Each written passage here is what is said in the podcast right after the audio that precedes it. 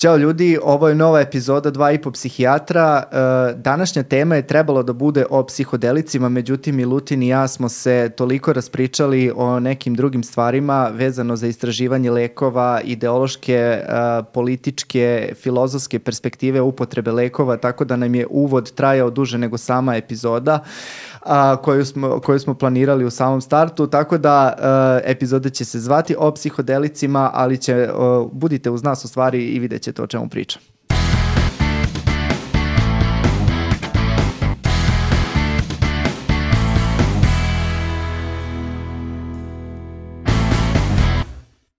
Danas pričamo o psihodelicima, ali su nam uh, ova grupa, da kažem, substanci uh, samo okosnica cele priče koja će se ticati istraživanja i a, primene lekova u psihijatrijskoj praksi i pomisli, pomislili smo, bože, nema bolje osobe sa kojom se, sa kojom se da pričati o ovoj temi nego naš Milutin Kostić. A, Milutine, a, nisi gost, tako da te neću nešto posebno predstavljati, ali mi je drago da si se nakon par nedelja opet vratio da pričamo o nečemu ovako interesantnom. Hvala na najavi. Na polu najavi. Slažem, slažem se da nema bolje osobe, potpuno racionalna i logična zaključak koji, kome se ne može sporiti i naći man.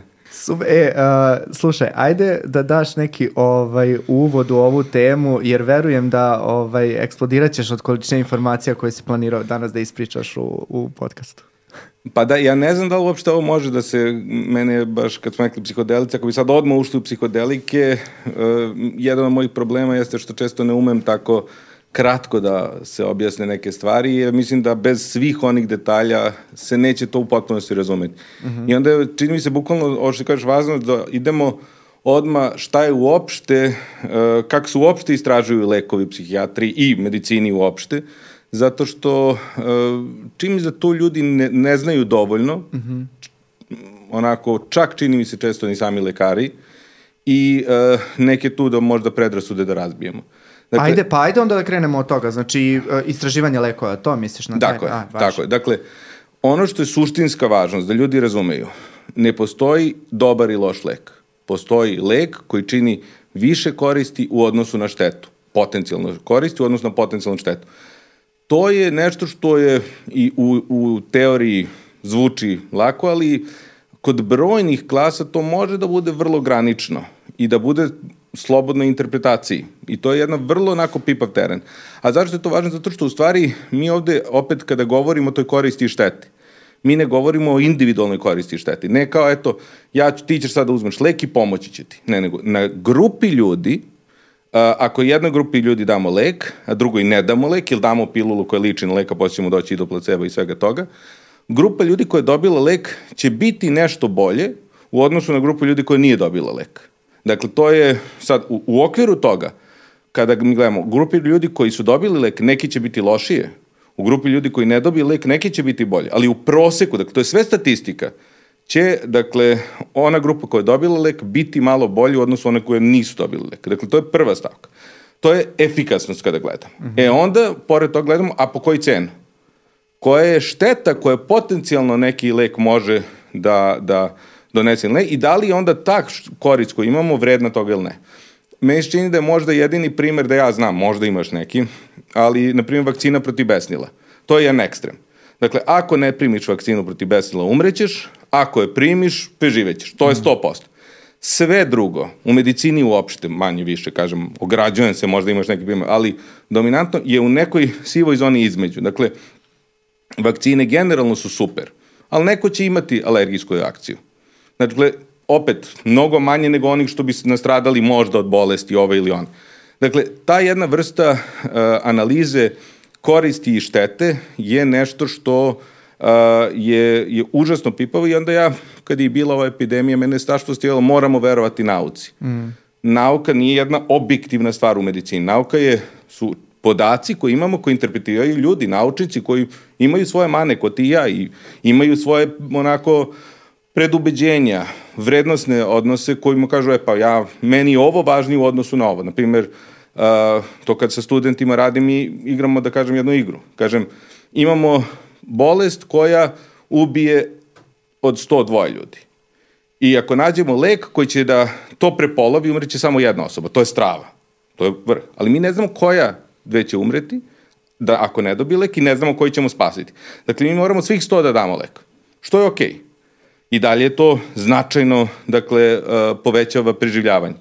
Ali onda ako kažemo, ali jedna osoba od tih sto koje dobiju lek će dobiti petogodišnje svakodnevne glavobolje. I onda ja kažem, pa dobro, to je rizik koji je vredan, opet spasili smo živ, život. A šta ako su dve osobe? Kaže, pa dobro, možda je. Tri. U, svako, I onda kažemo, ajde vidimo kome je koliko, da kažem, gde je kome granica. Svako će imati neku granicu koja će reći, pa ovo je previše. Mm -hmm. Previše štete u odnosu na korist.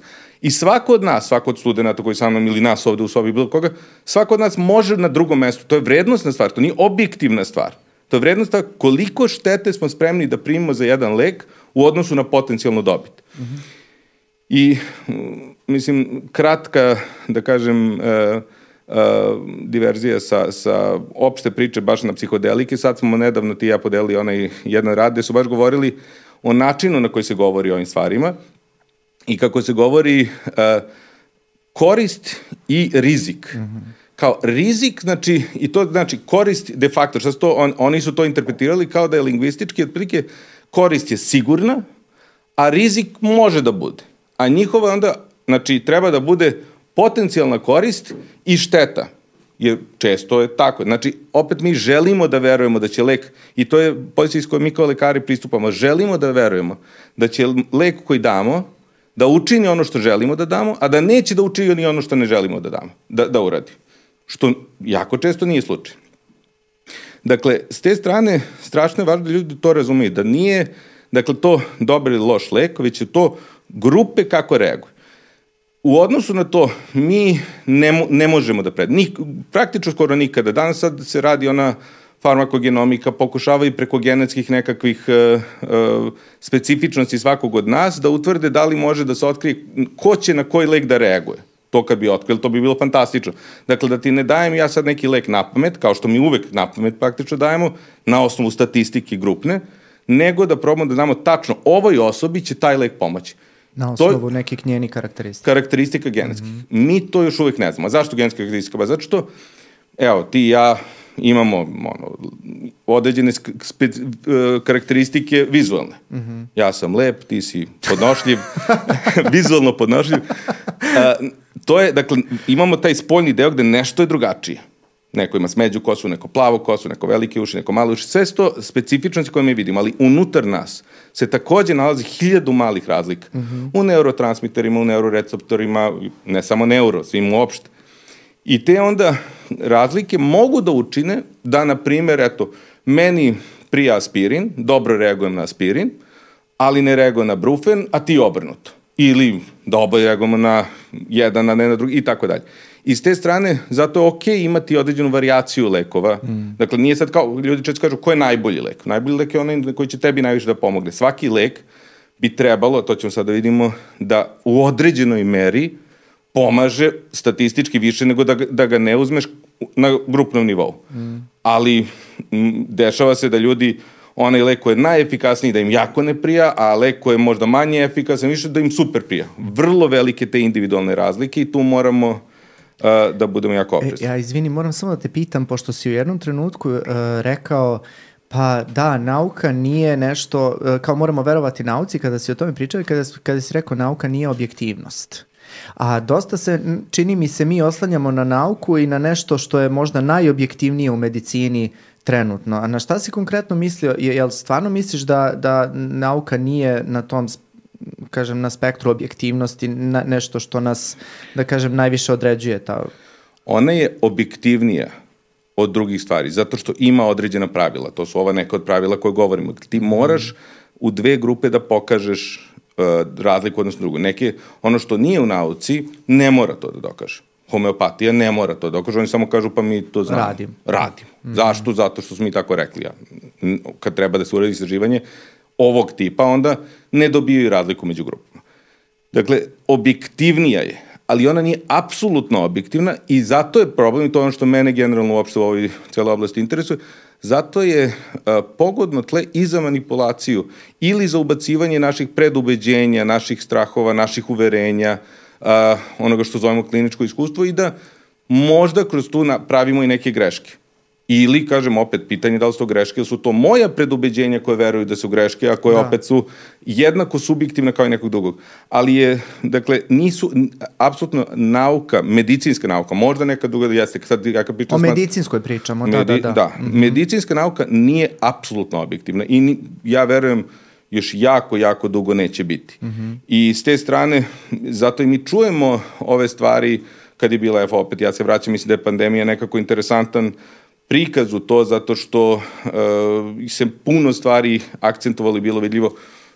Dođe profesor sa Stanforda i kaže ne treba maske i dođe profesor sa Harvarda i kaže treba maske.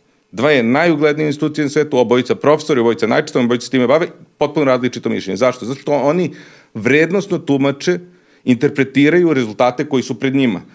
Često imamo probleme E, metodološke sa istraživanjima, da zaista napravimo dobro istraživanje, o tome ćemo puno pričati kad dođemo do dela sa, kažem, psihodelicima, gde onda i ta nesavršena, uh, nesavršena istraživanja, mi u stvari moramo da, da tumačimo u kojoj meri nam nesavršenost njihova smeta ili ne. I sad ako ja dolazim iz ubeđenja da mi se nešto ne sviđa, ja ću više da vidim mane, a ako ne, onda ću da više vidim prednosti i hoću da verujem da je nešto dobro ili ne. E sad, uh, tu u sada posebno u psihijatriji, ali u svim generalno medicinskim ganama ulazi taj faktor čoveka. Mm -hmm. uh, ja često, na primer, za standardne antidepresive čujem, uh, čak sam čuo i profesore da to govore, oni, 60% ljudi će reagovati na njih. To nije, prosto nije tačna konstatacija. Dakle, uh, 60% ljudi će biti bolje kada uzmu antidepresiv u odnosu na one koji ne uzmu, ne gde će biti, ne u odnosu njih, u stvari od onih koji ne uzmu, će, na primjer, 40% biti bolje. Ili 45, zavisi, zato su ogromne opet variacije sudije do sudije. Ali šta to znači u stvari? Dakle, oko 15 po poslednjim studijama neko imamo, oko 15% ljudi u stvari reaguje na antidepresive. Mnogo više bude bolje, ali tu imamo sad taj placebo efekt. Mm. Šta znači? Ja želim da ne, nešto bude bo, verujem da mi nešto bude bolje, će nešto da mi bude bolje i onda ja to uzmem i ubedi se, e pa vidi, mnogo mi je bolje. A, taj psihološki efekt, posebno kod ovih stvari kojima govorim, kao što je subjektivnost, osjećanje, kod, na primer, depresije, je ogroman, ogroman. I dakle, a, mislim da je to jako važno isto da se razume, zato što, na primer, a, kada imamo ja sam imao onako meni uvek, ja to stalno ponavljam, taj isti primer, jer je onako bio baš beskonačno uh, živopisan.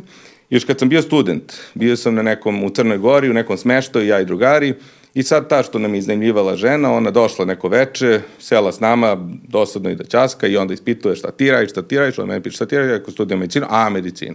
To je naravno odmah interesantno. Koji smer?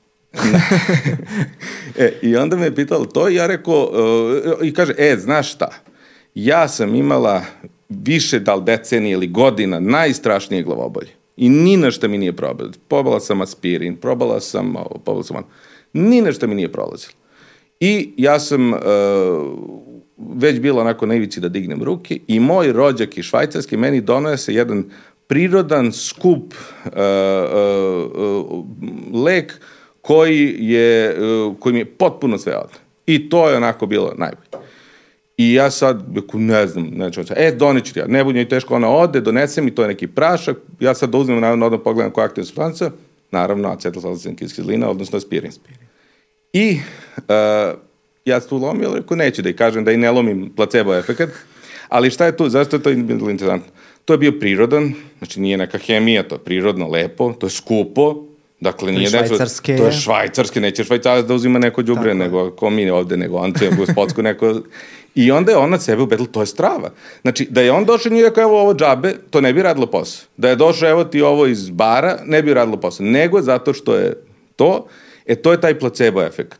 Radili su isto istraživanje, kod neko isto meni vrlo živopisno, od prilike ću statistike, po, procente, e, na primjer, da li su neki, e, ljudima koji imaju hroničnu obstruktivnu bolest pluća, da li su im neki lek, zaboravio sam koji, da li su nekima homeopatiju, akupunkturu ili ništa nisu radili. I uh, u proseku oni koji su dobili lek, koji su dobili homeopatiju i koji su dobili akupunkturu, oko 40% njih je kad su ih pitali da li, koliko vam je bolje, otprilike oko 40% njih je rekla da im je mnogo bolje. Oni koji nisu dobili ništa, ili kojima se ništa nije radilo, njih oko 20%. Znači, homeopatija, akupunktura i lek su bili jednako efikasni u lečenju hronične obstruktivne bolesti pluća. Ali, za razliku od psihijatrije, gde mi samo zavisimo od toga kako si, mm -hmm. oni imaju i objektivno merenje, forsirani ekspirijum, stave masku na usta i onda ti izdišeš i onda... Kad su merili pre i posle uporedu sa pitanjem kako ti je, a, 20% onih, znači duplo manje od onih koji su dobili lek su u stvari bili bolji. Znači samo 20, ne 40, ovih 20% se istripovalo. Imali su placebo efekat. Ali od onih koji su dobili homeopatiju akupunkturu 10%, kao i oni kojima ništa nije urađeno. Mm. Dakle, isto je bilo da ništa ne urađeno, ali je njihovo uverenje time što ih je neko bockao ili što su dobijali homeopatiju, bilo toliko izraženo da je to dovelo do, do uh, uvećanja njihove vere. E sad, reci. E, a, moram samo da te pitam, uh, kao što si rekao još na samom početku priča o placebu, placebo je dosta moćno sredstvo u mm. našoj psihijatrijskoj praksi i uh, čini mi se da dosta naših pacijenata nekako i iskusi to, a mi nismo uh, u toj poziciji kao uh, pulmolozi da to merimo. Jel viđaš u praksi ljude za koje smatraš da su možda podložniji placebo efektu nego neki drugi ljudi? Kako da ne, i placebo i nocebo. Znači ima mm -hmm. i mhm. nocebo suprotno stranu kad se uplaše leka pa dobiju najsilnije nekakve simptome koji nemaju veze s tim. Imao sam pacijenta koji je došao i kao, evo, uključio sam ovaj lek, ja od tada imam, ne znam, kočenje uh, sa desne strane vilice. Sad ja rekao, ma nema, proći će ništa, neko nema veze s ovim. Nedelja dana pođe. Sve vreme me koči sa desne strane vilice, doktore, pomagajte, to je od leka. Ja rekao, ma ne može da bude od leka, ne, ne radi to leka.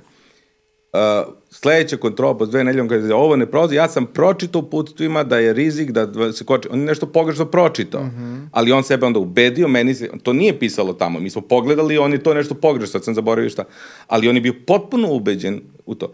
Ja sam uh, lično imao uh, onako tu moć uh, u, u stvari s kojom čovek može da doživljava, ljudi kažu pa nisam lud doktor, ja vidim, osjećam da mi to radi ili ne radi ili tako mm -hmm. da I sad ja ne mogu da objasnim ljudima da, bukvalno mi ne možemo to da znamo.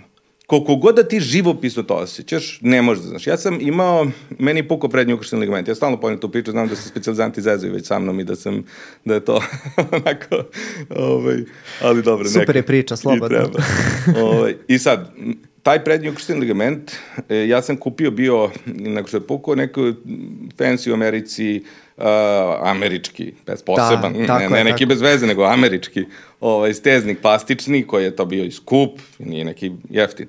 I onda se ga ja sledećih 10 godina nosio kad idem da igram košaku.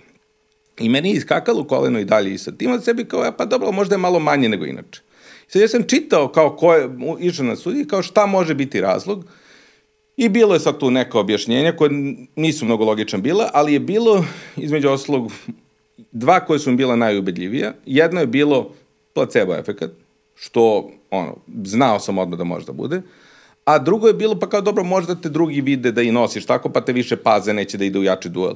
Ja sam tada sebi nekako pomirio, ok, ne smeta mi, kupio sam, nosim, igram s tim, nema veze. Uh, posle deset godina svake nedelje igram košarku, svake nedelje stavljam to, u jednom trenutku ja igram košarku, pošto je 15 minuta, i ja tog trenutka u sred partije shvatim da sam ja zaboravio da stavim steznik. U milisekundi meni prolazi, ma da, znao sam da ti ne treba, to je samo placebo, mm -hmm. Ali istog trenutka ja osjećam takvu slabost u nozi, mm. kao da će da bi propadne, kao da se drži na jednoj niti. I ja znam da je to moja histerija. Ja sam potpuno svestan da ja umišljam. Nemoguće da mi noga postala slaba kako sam video da nemam stez. Ali i to je najstvarniji doživljaj koji sam ja imao u životu. To nije nešto što sam ja sad tripovao. To je potpuno realan doživljaj, ali ja nisam mogu s da se izborim. Ja sam pokušao, pa trčim, pa se gegam, pa onako ne mogu u pun spin. Mm. Ja odem u slačionicu, stavim steznik i kao magija ode. Ništa. Da, a, ajde, posle dva puta sam, još jednom isto desilo, treći put sam zaboravio kući, bilo nas je taman, ako ne bi igrao, ne bismo mogli da odigramo partiju i onda sam izgurio, tad ne nosim i znači može da salda, ali to je stvaran doživljaj, to nije nestvaran doživljaj. Ljudi to, taj deo ne mogu da shvate koliko je placebo, nocebo, šta god hoćemo, stvarno. ja te potpuno kapiram i namjerno sam te pitao uh, da li postoji nešto uh, čime razgraničavaš to, zato što mislim da sam Evo, uh, sad mislim da smo potpuno slični u tome. Ja mislim da sam ja jedna od najpodložnijih osoba placebu koju ćeš naći na ovoj planeti. Sad ti meni da kažeš da u ovoj čaši vode postoji LSD, mislim da bi se ja verao po zidovima posle pola sata. Uh, i, I desilo mi se pa prekjuče, ja mislim poslednji put da sam se uh, zapitao i rekao sam uh, čovječe moram sa Milutinom ovo da popričam u emisiji zato što sam uh, radio sam neku operaciju umnjaka i strašno su me, sekli su mi vilicu, strašno me je to sve bolelo i ne znam ti ni ja. I uh, razmišljam šta mi je činiti i kako ja to sad da, da me taj bol prođe, ne prolazi ni na jedan lek i šta ti ja znam i kaže meni moja ovaj, stomatološkinja da popijem uh, panklav, antibiotik, da dodam na ovu terapiju analgetičku. Ja sam popio panklav, to je ako je neko nekad pio panklav, znaš šta znači progutati tabletu panklava. To je ono enormno velika da. tableta da. i sad to onako i deluje, znaš, panklav X, ne znam kako se uopšte zove nešto XR, XS, XL, kako hoćeš. O, u svakom slučaju, moćna velika tableta antibiotika, ja inače ne pijem antibiotike često. Ja kako sam to popio, pa ne znam da li je prošlo tri minuta, mene je sve prestalo. Da. Ja ne znam da, obje, mislim, pazi, bavim se medicinom, toliko godina znam i, i, i učio sam je šest godina, znam da nema nikakvog objašnjenja metaboličkog da može i na, na bilo koji način da utiče to na, na bol pod broj 1, na inflamaciju pod broj 2 u tako kratkom vremenskom periodu. Mene je sve pred, prestalo. Tako ja sam, spavao sam kao beba, čak mi je i sedati. Tako, tako da, potpuno te kapiram i, i ovaj, uh, mislim da je jako bitno da objasnimo ljudima zašto je taj placebo efekat u stvari toliko toliko, uh, toliko jedno moćno sredstvo i koje se generalno, ako ga neko nije doživeo, teško, teško ga i objasniti. I, I svi su ga doživeli. Da. Samo ne znaju da su ga doživeli. Da, da, da. Jer, kažem, statistički prosto je od svega što ste ikad radili, što kaže, od aktivnosti do, uh, do lekova bilo kakve, ja uzimam redovno brufen kad me boli glava. Da li to znači da zaista mi svaki put on reči glavobolju? Pa ne mora znači. Vrlo moguće da možda je sve placebo, možda je nekad placebo, ne znam, ali uopšte ne mora da bude. Uh, da, meni je taj deo, taj, to je jedan aspekt, ali drugi aspekt je ono što zovemo, e sad ja ne znam ko je prevod, regression to the mean. Uh, prosto neka stanja fluktuiraju i prolaze i sama. Mm. I sad ti možeš da uh, uh, kada kod nas dođu pacijenti, oni dođu u najgorem trenutku. I onda šta god ti da uradiš, velika šansa da će to da krene na dole, jer posto kako ide gore, ide dole, ide gore, ide dole. I, ali ti tako što krene dole, ti počneš da veruješ, pa da, to je onda zbog uh, toga. Ja sam imao pacijentkinju koja, radili smo neko istraživanje oprezno praćenje. I onda smo, uh, to je bilo u stvari upravo to, da u depresiji ne uključimo odmah lek, možda neke malo uh, promene životnog stila, možda neki savjeti, podrška, ništa spektakularno, nikakva psihoterapija, ništa. I bila je jedna pacijentkinja koja je došla u jako lošem stanju, užasna porodična dinamika i tako dalje i ja kažem pa dobro, ajde da ispratimo, ajde se vidimo bukvalno toliko bilo loše, ajde se vidimo za dva dana, ali da probamo da ne uzmemo te odmah lek, nego da vidimo da li će, pošto je zaista akutno, ako posle dva dana odlazi super. Prošlo sve i tako dalje. I ja rekao strava, eto, videlo se da ne treba. Posle nekoliko nedelja on opet dolazi, opet u haosu, kaže ne, ali doktor, ja više ne mogu ovde podnesem, dajte mi lek. I ja sad, ok, ne, posto loše žena, teško. A, moj je predlog da ne dobije lek, ona odbija. Ima indikacije po kojima može lek. Uključimo mi neki a, antidepresiv. Sledeći dan, a ti znaš da nakon 24 sata nije mogao, čini mi se, fluoxetin ili šta god daje, da izreaguje tako. Doktore, kao rukom odešeno, hvala vam, divno, sedli smo. E sad, onaj deo, to smo i pričali u epizodi u depresiji, onaj deo koji mene plaši jeste što ona onda će možda pokrenuti da poveze, pa da, meni to treba i bez toga ja ne mogu da budem bolje i to onda stvara jednu vrstu identitetskog i tako dalje. Ali, dakle, da sad ne širimo mnogo priču, to je taj uh, efekat placeba ili prosto možda ona zaista ima takve fluktuacije i prosto bude bolje s vremena na vreme. Bude bolje, bude gore, bude bolje, da. bude gore. Da. Uh, ta dva aspekta su toliko jaka I tu je, to nije samo to, znači, prvo su, kad su krenuli da se rade ovak, uopšte ovakve studije sa lekovima, pa x desetina godina, da se da jednoj grupi koji se dalek i drugoj grupi koji se nedalek. Onda su zbog placebo efekta uveli da se dobija pilula uh, koja isto izgleda kao lek, ali da nema aktivnu substancu. Znači, i da pacijent ne zna šta je dobio. Mm -hmm. I to se zove slepa, randomizovan kontrolna studija, dakle, uh, kontrolna zato što imamo kontrolu koji ne dobijaju i one koji dobijaju lek, randomizovana zato što ne biramo pacijente, upravo što ti si pitao ko je podložniji placebo. Mm -hmm. Mi možda možemo intuitivno da osjetimo, je ovaj će bolje da reaguje, ovaj lošije, i onda da ih tačno stavimo u grupe gde trebaju, nego bukvalno ide jedan, dva, kako dolaze, da se randomizuju, slučajnim uzorkom se podeli ko će dobiti, ko neće dobiti lek, oni moraju naravno da pristanu da učestvuju u istraživanju, što će isto biti posle faktor bitan za psihodelike. I onda, uh, kada se dobije, oni dobiju i ne znaju šta uzimaju. To je jedna slepa.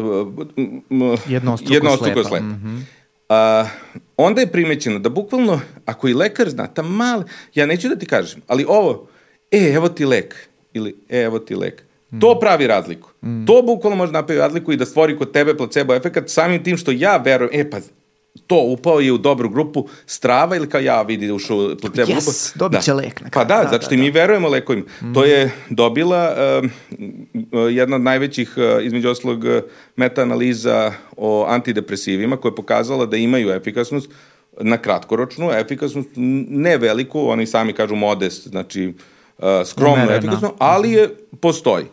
Ali i oni su tu, analizirajući nekakve podrezultate, dobili kako kada je novi lek se istražuje, efikasnost je veća i onda kako uh, stari na tržištu i kako kad se ponovo istražuje, njegova efikasnost je manja. I to je taj entuzijazam. E, evo ga, ovo je, ovo je super, nešto novo je. Mi hoćemo, novo je uvek bolje. Nije, neće, doktor ima onaj novi lek, koliko to bude, ili da kažem, evo ga novi lek, a ne onaj stari, onaj stari. A često su, kao što znamo u psihijatriji, još uvek efikasnost starih i novih je ili ista ili čak ponekad čak su... Čak možda i manje, da. Čak možda i manje, samo kao slabiji neželjni efekti i tako dalje. Tako da mi smo onda uveli duplo slepo, dakle, ni lekar da ne zna, nego tamo neki tim iza u stvari pakuje. E sad ima i trostruko slepa. Da ni de, tim ne zna. Ne, ne tim, nego uh, mora neko da spakuje, ne, neko mora da zna.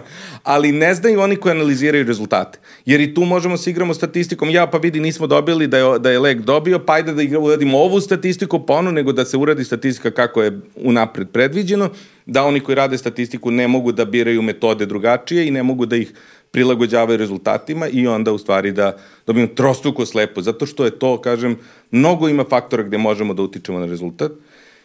I, e, I jesmo se približili toj objektivnosti koju ganjamo, čini mi se, tom trostruko slepom probom. I onda ti dalje, i onda, znaš kao, eto šta sve ljudi uradiše tokom decenija, a, a, zavezaše oči jednom, drugom, trećoj osobi da se približe toj objektivnosti i ti na kraju kažeš nauka nije objektivna. I onda šta se dešava? I šta se dešava, šta molim se dešava, te, kaži ti, dobiješ, ti uđeš u, u studiju, ti potpišeš informisani pristanak, ja ću da... A, pristajem da uđem u, u kliničku studiju i da postoji šansa da ću dobiti lek. E sad, uh, tu isto ima faktor, pa šta se dešava? Uh, opet ću malo da se frgljam sa procentima, ne znam ih tačno, ali je suština jasna. Uh, kada se daje informisani pistanak, dakle, pacijent saznaje u kakvu formu studija ulazi. I sad postoji nekoliko različitih randomizovanih kontrolnih studija šta mere. I, na primer, ako uđem u studiju koji se meri novi lek u odnosu na stari lek, Na primer, efikasnost će biti 70%. Dobro, 70% ljudi će da reaguje na to. Ako uđu u studiju u kojoj se gleda novi lek u odnosu na stari lek u odnosu na placebo, znači da imaju tri grupe, a, efikasnost će biti 65%. Ako uđu u studiju u kojoj se gleda novi lek samo u odnosu na placebo, onda je efikasnost 60%. Zato što i sami pacijenti kada ulaze, pravi računicu, gleda, aha, ovde mi je 100% šansa, dobit ću ili novi ili stari lek. Ovde mi je šansa 66% da ću dobiti makar novi ili stari lek, ili, a ne placebo, a ovde mi je 50%. Znači, unapred negde, to su sitne potpuno uh, naše, naše uh, kognitivne, da kažem, radnje u kojima pravimo neke računice rizika uh, uh, u odnosu na ulazak i onda i to meni. A onda šta se dešava? Ja dobijem pilulu, ne znam šta je, ali mi krene mučnina uveče I kaže, a, vidi, imam neželjni efekt, jer su mi objasnili može da bude mučnina. Znači, ja sam upao u grupu. I to zove unblinding. Raslepljivanje. I to je kod psihodelika ogroman problem. Novi lek koji se već, psihodelici još u istraživačkoj fazi, ali novi lek koji se već daje esketamin i ketamin, oni, na primer, opet, kad je krenulo s ketaminom prve studije, fantastični rezultati. Male grupe, ali fantastični rezultati Kako idu dalje studije, sve loši i loši rezultati, sve su, uh, nažalost, tanji, zato što su i veći uzorci, uh, po, počinje polako da se... Raslojava se cijela priča. I, I krune taj, da kažem, entuzija, početni entuzijazam. Ali su sada, evo to je ono što sam ti poslao, što ti nisi bio mnogo odušen, meni je fantastično. Uradili su sa, savršenu uh, studiju za blindovanje. Pacijenti koji su trebali da idu, imali operaciju, dakle, uh, rutinsku neku, koji imaju depresiju, su uh, u okviru toga randomizovani, opet trostruko slepo su napravili, ni lekar, ni uh, pacijent, ni, ni oni koji, koji su merili, su dobili ketamin u toku operacije ili ne randomizovano i onda su gledali kakav su imali efekat i sav onaj efekat koji su dobijali, a znamo da oko trećina pacijenta koji dobiju tu, tu vrstu lekova imaju i disocijacije, vrlo izražene neželjene efekte, koji u stvari njima onda unblinduju to i koji onda mogu na taj način za njih da budu i željeni. Mm -hmm. I onda su dobili da nije bilo nikakve razlike između ketamina i oni koji ništa nisu dobili.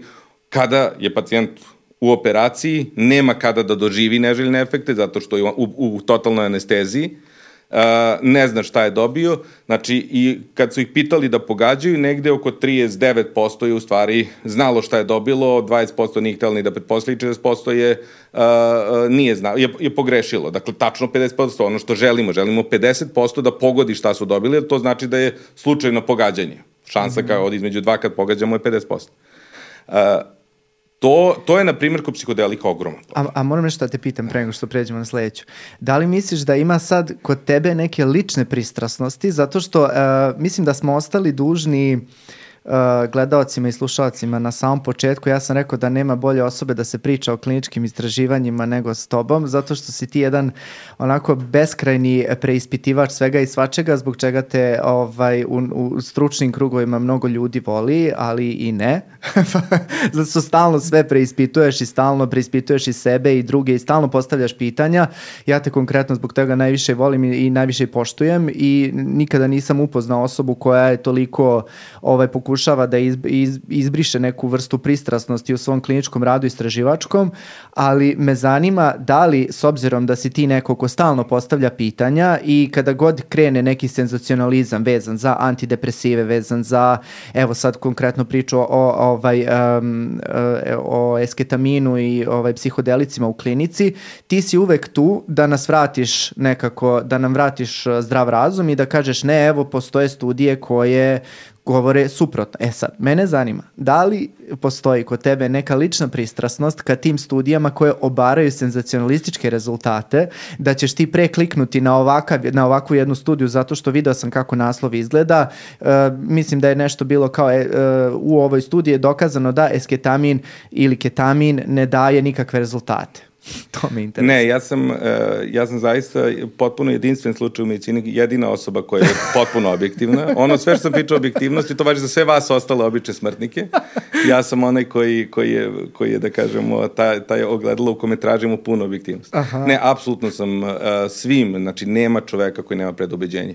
Uh, ja znam, ja kad čitam ovo što ti kaže, ja sam to primetio, ja se protiv toga trudim da se borim, mm -hmm. ali mi je mhm. Teško. Znači, postoje dva fakta. Prvo, kad čitam, dakle, uh, uh, radove, što ti kažeš, ako je pro za nešto u što ja imam predubeđenje da treba opreznije, makar ako ne da ne treba, uh, ja ću da načuljim sva čula, da vidim sve metodološke mane, ovo što sad evo nabrajamo, a ako dođe neki rad i kaže šta je šta, ono što mi se sviđa, ja ću samo da ga preletim i kažem, pa fantastično. Pa to je to, da. I to je, jeste, postoji. I drugo, ja sad već, pazi, evo, ja sad ovde ću da, podcastu ovde da kažem ove stvari ja sam to već na nekim predavanjima pričao, pa znači sam da su mm. se malo javljali da me napadaju, da pričam gluposti. Ali ja sam sad već emocionalno investiran. Zamisli sada izađe najbolje istraživanje svih vremena koje kaže esketamin, ketamin, psihodelici su fantastični. I sve je to strava i savršeno metodološki, iako to ne postoji, ali kobajagi, to bi bio, ozb... ja bi morao ozbiljnu količinu volje, uh, energije, snage svoje, da kažem, duhovne, kako da nazovem, da, da iskoristim da kažem pa da nisam bio prav. Mm.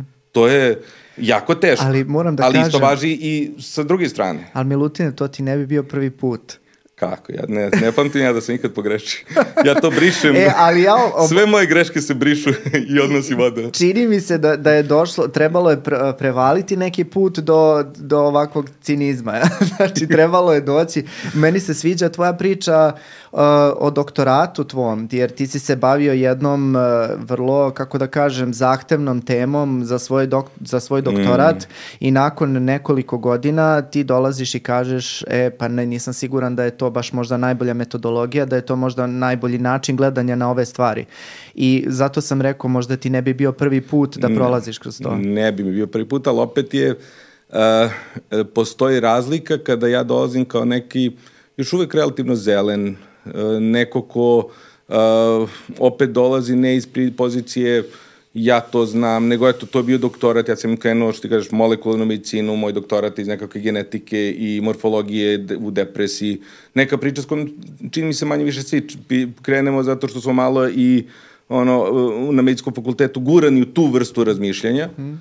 I došlo je do jednog razočaranja, ali opet je došlo, znaš, kad dođe do razočaranja, opet kažem, kao vrlo rano, ne da li sam, ja sam postao specijalista, ali ne, nisam tek sveži specijalista, I, na primjer, sada, posle x godina, u kojima ja konstantno, sada već vrlo emocionalno i vrlo intenzivno pričam jednu priču, sad mi već, čini mi se, a i drugo, verovatno godinama postajemo rigidniji. Vremenom nam je teže da promenimo stav nego kad smo mladi i tako dalje.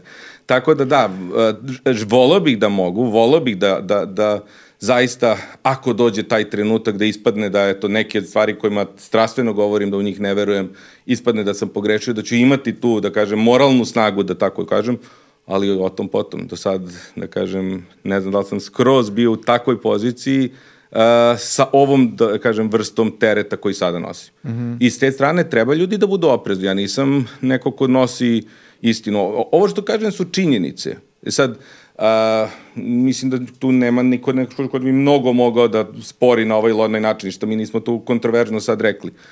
Ali uh, moja interpretacija tih činjenica jeste moja. Uh mhm. -huh. Neko drugi će da ih interpretuje. Mi imamo uh, profesore, doktore koji interpretiraju na dosta drugačiji način. To je njihovo pravo i možda su i oni, možda neko nađe to kao približnije, jasnije, bolje, šta god, uh, u, u tom nekom smislu to sam upravo hteo i, i ovaj, ja da, pomenem, da napomenem, nije popularno pričati na taj način. E, znaš, kad god se priča na, na ovakav način, e, ljudima kao da diraš ono što ih najviše boli. Znaš, šest godina si to studirao, pa ti je četiri godine si posle specializirao, pa si, ne znam, i subspecializirao i sve to. I onda kada postaviš znak pitanja pred to što je u stvari tvoj životni projekat i e, to mnogo boli i onda, mm. znaš, ljudi ne vole da se uopšte o tome priča jer ne diraj mi u nauku, ne diraj mi u moju veličinu, ne diraj mi u moja sva sredstva kojima raspolažem jer kako ja onda da priznam da sve ovo što sam radio tolike godine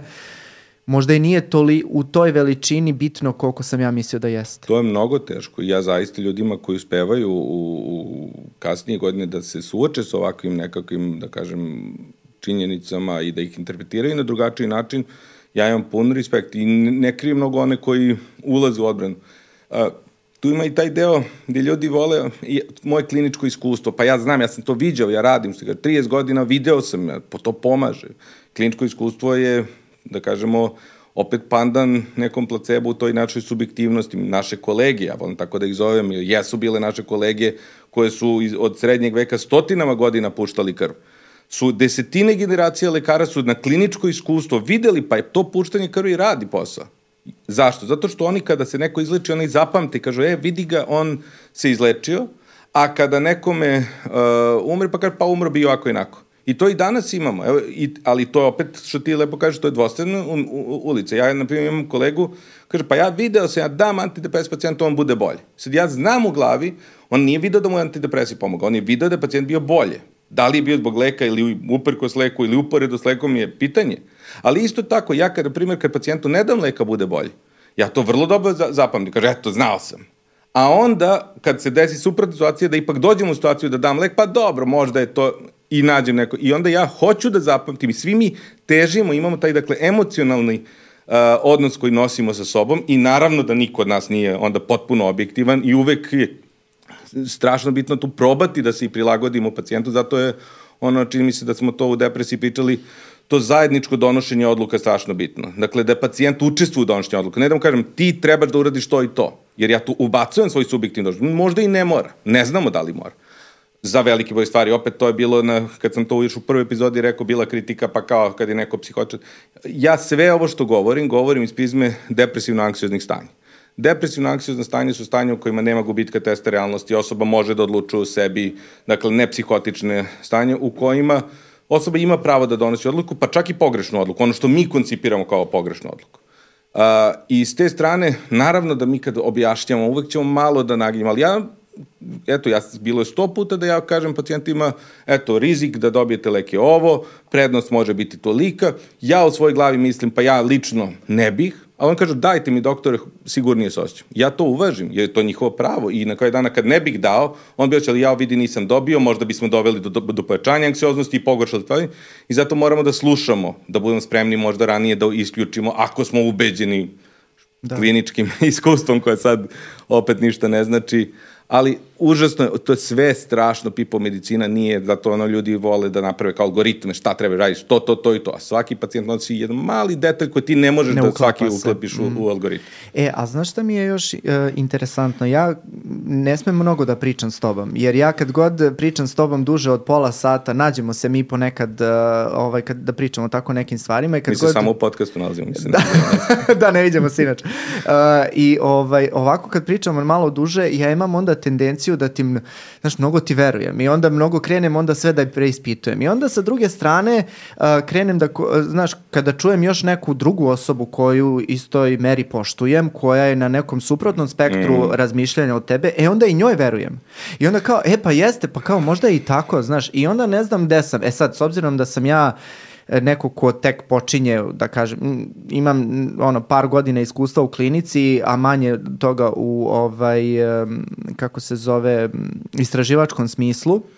Mislim da si ti prava osoba da nama kažeš kako da formiramo svoje neko kritičko mišljenje, jer ti si neko koje, evo sad moram da, da i da kažem, u Institutu za mentalno zdravlje ti si pokrenuo jedan uh, jednu, kako ja kažem, sekciju koja se zove kritičko sagledavanje literature, koja nama je mnogo značila da mi krenemo da uh, formiramo svoju naučnu pismenost i da uh, na, da kažem, adekvatan i kritički način sagledavamo literaturu koja sada ima sijaset i na koji način da pristupamo uopšte toj literaturi. I uh, pričali smo o tome, zato želim, evo, ako nas gleda neko od studenta medicine ili od mladih kliničara, kako uopšte da dođemo do toga da, da, da ne verujemo jednoj i drugoj strani, nego da nekako formiramo kritičko mišljenje za sebe. I ja moram tu sad da kažem da sam imao jedan onako malo traumatičan doželj veđan za kritičko saglavanje literature, zato što to već par godina radimo i onda na par meseci, na dva, tri meseca i jedan od specializanata izabere nekakav rad, koji god oni, ja kažem, bil koji se vama sviđa, pa ćemo mi da ga ne da biraju kao, jer nekad oni misle kao treba da kritikujemo da bude loše. Ne, bukom, neko vam sviđa, pa ćemo da kažemo, je, ovo je super uglavnom kritikujemo loše, zato što mnogo je loših istraživanja u ovome, ali sada je naša briljantna koleginica Marija Lero na redu i ona će za, za nekih par dana, ja mislim da, da to predstavlja, I onda mi u okviru toga oni izaberu, ja kažem, ajde vi nađi ti koje ti vidiš kritike, ja ću da nađem koje ja vidim, pa da uporedimo. I onda uvek kad tako dođu, najčešće je bilo nađu po nešto, ali onda im ja dodam i ovo i nisi video ovo i sad sad i Marija Lero došla i našla je mnogo više nego što sam ja iz svog prvog čitanja, tako da sam sad već postajem, postajem nepotreban izgleda ovaj, u tom nekom smislu. Malo onako, lepo je, ali i bolno. Da, da, da, da. Uh, tako da je to, to jeste nešto radimo, ali pazi, dakle, ja na primer, užasno je teško i nemam odgovor na to što aha, pitaš. Ja, aha. ja se i sam gubim za... Ja, ono što je moja utisak je uh, ne možemo da pratimo svu literaturu, možemo da izaberemo jednu relativno usku oblast uh. -huh. i da probamo da tu budemo majstori. I da kažemo ovde, ovo što kažem, to znam. I to razumem. Ja sam, na primjer, ja, kada mi govorimo, na primjer, o, o istraživanjima, ima klinička metodologija, ali ima i statistika. Ima, ja statistiku ništa ne znam. Mm, Ana Radanović, koja nam je bila za, u emisiji Samopovređivanje, koja je isto briljantna, ja nju za svu statistiku zovem i onda onako kao, kao sa onom tupom facom kaže meni treba ovo i onda ona onako me tugaljivo pogleda kaže ješićemo i onda mi kaže i onda ja, ja onako kad mi iznese to što je uradila onda ja onako ko u Odiseji onog oni, oni majmuni kad skaču oko onoga e tako ja ono meni je to čuo ja statistiku ništa ne razumem ali sam jako radio poslednjih godina da razumem kliničku metodologiju i onda tu razumem sve ove stvari i eto, tu ću da bude majstor u toj oblasti. Aha. I onda, ali onda ne mogu da naučim statistiku, ne stiže. Možda je to loše, možda ja nisam prosto ni dovoljno pametan, što je isto vrlo moguće da sve to obuzme, ali A onda što se e, tiče toga, to je samo jedan deo. Ja mogu sada sa kliničkom metodologijom, ja, mogu, ma, ja sam čitao radove i za COVID, jer klinička metodologija u psihijatriji ima vrlo sličnost i s COVID-om. Ja moram da uđem u materiju, naravno, ali mogu da razumem prednosti mane istraživanja isto. Ali da bi znao materiju, e tu sam onda ušao depresija.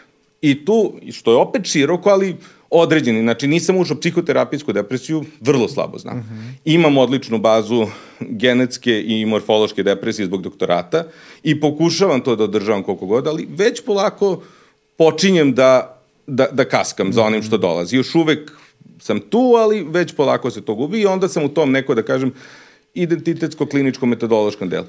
I onda je prosto, ono što ja radim jeste da se, kažem, nađem taj uzak put za sebe, a postoje nekakvi aspekti koje prepoznajem kod drugih, koji u meni bude, da kažem, sigurnost da mogu da im verujem kada mi nešto kaže. To je zato ja, i, i statistika ima svoje različite anal. Zato Ani verujem, zato što je Ana vrlo odmerena. Ona neće kaže, e, sad ću ja ti rešim. Ona, čekaj da razmislim, pa može oba. E, kada vidiš nekog skromnog, taj, ja u, još od studija, najgori lekari su bili najsigurniji lekari. On je kao, ja znam, to je ovo, to. Znači, on nema pojma, jer toliko stvari može da pođe po da ti uvek si tu nesiguran. Uh, isto tako i sa živački. Kad vidiš nekog ko je umeren, ko kaže, pa čekaj, možda bi, aj da vidimo ovo, da proverimo ovo i tako dalje, uh, ukaže na neke mane, ali i na neke prednosti, ti onda možeš da kažeš, ok, ovaj zna o čemu govori. Ili da se zavaraš, jer se i to dešavalo, da ti neko deluje, pa... Tako da, mnogo je teško, živimo u jednoj šumi informacija, šumi istraživanja, koliko hiljada istraživanja izlazi godišnje, to ne može, Bog otac ne može da počita, iz nekih oblasti, onda mi onako brzinski čitamo abstrakte, onda videli smo kad kritičko sagledavanje literature, kad uđeš u dubini rada, to što piše u abstraktu veze nema sa onim što mm. piše u radu, ili interpretacija rezultate potpuno suprotna od onoga što bismo mi sad uradili. I to je, mislim, jedan od razloga što smo krenuli ovaj podcast, malo da demistifikujemo to, da ljudi ne misle da je sve to tako egzaktno ili ovako ili onako i da je to okej. Okay. Mm. Ba trgamo se pa sad. E, a, mnogo mi je interesantno što si pomenuo taj uh, autorat, autor, ja uvek, uvek, uvek se zeznam za tu reč. Uh, autoritativni. Autoritativni stav, da, koji vrlo često kliničari imaju, pogotovo stariji ovaj, kliničari, a mi se nekako sad u novije vreme zalažemo za ovu saradnju, što si ti mm. rekao. Znači, saradnja između pacijenta i lekara treba da bude takva da to bude zajedničko donošenje odluka. Međutim, Ima nešto u našoj kulturi, čini mi se, da smo mi navikli na autoritete i gde povezujemo uh, autoritete sa, sa znanjem mm. i iskustvom. I ako nisi autoritet, uh, kao da nemaš dovoljno svega od navedenog Tako. znanja i iskustva. I onda dolazimo u situaciju gde stariji pacijenti, a to sam viđao kada sam radio na odrasloj psihijatriji, gde ti pokušaš da uvedeš taj stav kao pa dobro šta vi mislite šta, šta je vama radilo ranije, da. šta vam je neko od kolega prepisivao, šta vi mislite da li, da li biste mogli možda bez leka i tako i I onda oni dođu i kažu, bože, mislim, vidi ovog, šta on mene pita, znaš, kao šta, šta Svata ja znam. Svata i to ko nesigurnost, pa, to, a ne to. kao, da, ima. I zato smo imali, nažalost, eto, opet u COVID-u Nestorović koji je pričao sve šta je mogo da priča, pa mislim, veze sa životom nema. Da. Ali je on takvim samopouzdanim glasom to izgovarao da, naravno, ljudi hoće da veruju. To je ogroman problem. Mislim, to je, sad, i u okviru tog zajedničkog donošenja odluka, pacijent ima pravo da se odrekne uh, odluke. On može kaži, doktor, ja ne znam, sam odluči, ali mora da ima tu mogućnost da odluči. Mm -hmm. To je mnogo važno. Eto. Uh, ali uh, se dešava ovo što ti kažeš, da se to pogrešno protumači. To jeste nešto što će trebati vreme i menjanje kulture, upravo razumevanje ovoga, da nema tačnih odgovora. Ja ako, na primjer, imam povišen pritisak, blago, ja mogu da uzem leka, mogu i da kažem čekaj, ajde da promenim životni stil. To nije potpuno besmisleno. Dakle, čak i za antihipertenzive ili za antidepresive, ako sam tužan, mogu da, pa, ajde da probam prvo da treniram. Sad ja mogu kažem, pa nemoj uzmi lek bolje ti. Mo, I možda je to osobi zaista bolje, jer ne znam, možda i nije, možda je bolje da proba da trenira. Uh, kod neurgentnih stanja, kao što su blaže hipertenzije, uh, umerene blaže depresije, gde imamo vremena, ja volim da se da pacijentu mogućnost da izabere, da proba na način pa da ne, negde lek bude poslednja opcija, ako je moguće, ako, osim ako sam pacijent nema jaku želju da zaista krene do leka, što je isto valjno, neću, nemam kada treniram, nemam kada promenim, da nađem hobi, uh, da promenim socijalni život ili bilo šta. Nemam kad da idem na psihoterapiju i nemam para za psihoterapiju. E, lju, e, često, često uh, psihoterapeuti vole kada ovo pričam i oni misle da sam onda na njihovoj strani. Da sam... ali ne lezi vraže. ali ne lezi vraže.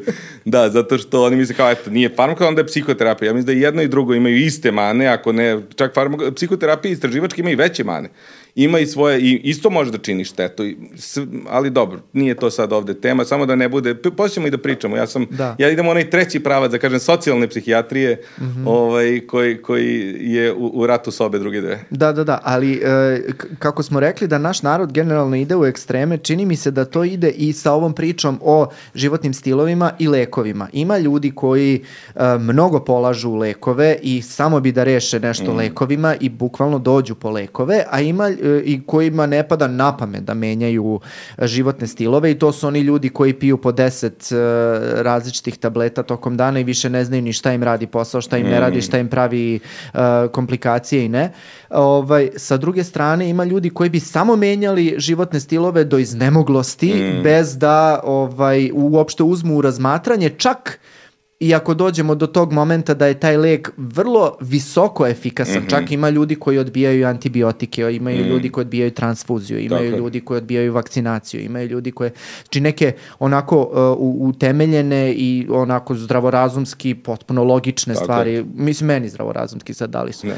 E sad onda idemo ovaj, um, mislim da je, da je ono što, čemu bi trebali možda da zaključimo celu ovu o, o, uvodnu priču jeste u stvari da treba da se nađemo negde na sredini. Ono što je u stvari uvek i poenta medicine da ono i mislim o čemu smo pričali o potencijalnoj štetnosti i potencijalnim benefitima pa da vidimo da se nađemo. Pazi, to u teoriji zvuči super, ali tvoja sredina možda nije isto što je moja sredina. Yes, to ljudi da. često kažu politički kao ja nisam ni levo ni desno, ja sam sredina. Mislim i e, nekada je sredina bila u 19. veku je sredina bila dobro, žene nisu baš skroz maloumne, možda ponekad mogu i nešto da izgovore. I to je bilo kao, eto, sredina u odnosu na one koji su rekli ne, žena potpuno treba da ćuti. I onda sada mi imamo, naravno, se pomerilo to, više to nije sredina, nego to je ekstrem. Uh, I u ovim stvarima moj i tvoja sredina je drugačija i tu ima i moralne vrednosti koje su važne, vrednostne, odnos, odnosi, eto, ja mogu da imam odnos iz bilo kog razloga da, je, eto, da uzmem lek moj poraz. Šta god to bilo. Ja, ja i ti možemo kažem pa to je besmisleno, to je preterano. Ali ako ta osoba insistiramo, mi možemo da dovedemo do toga da se ona prosto još gore osjeća zato što uradila nešto protivno svojim vrednostnim sistemima. Mm -hmm. Kao što ako nekog dođe i jako očekuje lek i da će mu pomoći, kažemo ne može lek. Ne može, isto ulazimo u rizik da, da, da odmognemo. Tako da je to opet na individualno stalno jedno balansiranje, ali jeste jedan... E, ono zašto misli da je ova priča važna, ja, ja nisam za ili protiv lekova, ja sam za ispravno istraživanje lekova, prepoznavanje njihovih limita, ali e, postoji i ono što su, da kažem, kulturalno, e, populaciono, prosto tendencije i u odnosu na njih, da sada antidepresive ne pije niko. Ja bih vratno promovisao prepisivanje antidepresiva. Pa ne, ali zaista, zato što da. meni je problem sa antidepresivima što, na primjer, u brojnim zapadnim zemljama to je došlo do 20% odrasle populacije. Ja ne mogu da shvatim kako menjanje koncentracije serotonina, bez dokaza da imamo poremeći serotonina, može biti zdravo kod petine odrasle populacije. I one podaci o tome da možda određene stvari mi činimo i štetu na taj način. A drugo, ja, eh, ljudi isto vole, ne volim politiku, uh, ovo, ovo jesu i ideološka pitanja i to ne treba da se zavaravam. Dakle, to jesu sve i poruke. Dakle, posebno ovde kad govorimo o depresiji. Depresija je, dakle, stanje tugije, bezvoljnosti, nevaspoloženja, kako god hoćemo ga nazovemo. To jeste jedna poruka o mojoj poziciji u društvu. I sad, ako ja kažem, to što se ti osjećaš loše u društvu je po problem tvoj, individualni tvoj problem, koji ti moraš da lečiš tako što ćeš psihoterapski da menjaš svoje ponašanje. Ili tako što ćeš farmakoterapijski da menjaš neke neurotransmitere i onda da budeš dobro u jednom društvu koje onda pretpostavljamo je dobro. je, u tebi je problem, nije u društvu problem. Zato ja kažem, pripadam toj socijalnoj psihijatriji, kažem, pa možda i u društvu nešto problem i možda mi reagujemo loše na jedno loše društvo koje nas možda ne brine o nama dovoljno na ili, ili razbije određene temelje zajedništva, solidarnosti koji su važni. Uh, s te strane to jesu i ideološke poruke i zato nije to samo bezgledno kao da li ću uzmem lek ili ne, to je celokupan jedan uh, uh, koncept u kojem mi postajemo u stvari ta individualna bića koje su svako za sebe, svako je ostrvo za sebe, a znamo šta je Hemingway rekao, nijedan čovjek nije ostrvo, ali mi sada ponašamo kao da je svako ostrvo koje će da popije lek i da onda sam sebe sredi. Što ne znači da nekome to ne treba. Da, mi jesmo i biološki organizmi koji su, imaju svoje granice u kojima može da dođe i do poremeće određenih funkcija. Apsolutno, ja ne znam gde je ta granica, mm -hmm. ali ako si je isključiva poruka i mi smo uh, uh, u, ne znam, 1987. u Americi, na primer, opet frljaću se sa brojkama, otprilike 40% pacijenata koji imaju diagnostikovanu depresiju su dobijali uh, antidepresiv, do 2010. to je došlo na 85-90%. Dakle, to je jedna poruka, svi vi treba da uzimate nekakvu ovaj, terapiju za, za to kako se osjećate. A uporedo sa povećanjem te terapije mi imamo povećanje ljudi koji se loše osjećaju, povećanje uh, dana bolovanja, povećanje invalidnosti, što bi trebalo da bude u diskrepanciji. Ovo što ti pomenuo antibiotike, kako smo povećali davanje antibiotika, smanjili smo smrtnost. A ovde ide, jedno i drugo idu zajedno na gore. Mene to brine Da, nema e, I tu, je, e, tu možemo sad, evo, Kobajagi, da pričamo o psihodelicima, mi smo sve pričali, ali... Tu, ne, ne, vratit ćemo se, vratit ćemo pa se, nisam zaboravio. Tu Aha. su psihodelici koji su opet jedna ista vrsta poruke. Taj deo meni malo smeta je, i to vidimo dolazi iz te tech kompanija, ona je sad, ništa nije problem sa društvom, nego je, zašto tehnološke kompanije iz San Francisco i tako dalje su često oni koji finansiraju pa tako istraživanje, nego sad ćemo novu substancu da nađemo koja će nešto se redi, još uvijek ne znamo kojim mehanizmima i tako dalje. I da se vratimo, ajde da ako ti je okej okay, da skrenemo sad u tu priču. E, Ili si još nešto? E, i, hteo sam samo još jednu stvar, uh, ali bojim se da otvorim i tu Pandorinu kutiju. kada ja govorim... nemam da budem kratak, to je, mislim, očigledno, to je veliki problem, izvinjavam se. ali mislim da je bitno da pomenemo uh, ko još ne voli da pričamo ovakve stvari, a to su uh, velike industrije i velike farmaceutske kuće uh, i mislim da je to nešto što bi dosta zanimalo svakoga ko će slušati između ostalog i o, o psihodelicima ako ikada krenemo da pričamo o tome, ali u stvari o istraživanju lekova. Da je, ovaj, postoje velike kako da kažem, zablude i zadrške kada je farmaceutska industrija u pitanju, pa me zanima iz tvoje perspektive kao jednog, evo sada ovaj, predstavili smo te ko najvećeg cinika na svetu, šta ti misliš o tome i koliko misliš da je to možda bude štetno, a koliko misliš da je to u stvari i, i donekle i, i neka nefer zabluda? Uh, na što konkretno misliš? Pa na farmaceutske industrije i njihovo, njihov udeo u stvari u uh, rasprostranjenost propisivanja lekova danas. Pa one apsolutno učestvuju u tome. E sad, danas imamo tu jednu vrstu onako farmakomafija, ovo, ja ne mislim da je farmakomafija, ali je prosto opet, zato kažem, to je politika, ideološki sistem u kojem mi živimo jeste zasnovan na stvaranju kapitala, na stvaranju profita.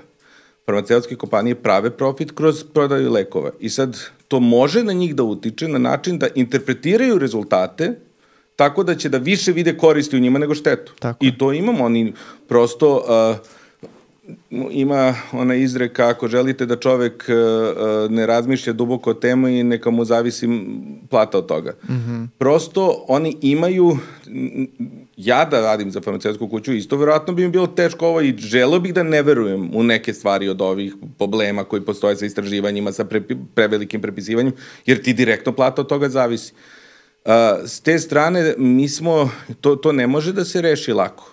Prosto, dokle god je finansijski interes prisutan, on će uticati na interpretaciju rezultata od strane prvo farmaceutskih kuća, drugo od lekara koji imaju i veze sa farmaceutskim kućama ili nemaju, ili prosto, kao što ti kažeš, veruju, žele da veruju.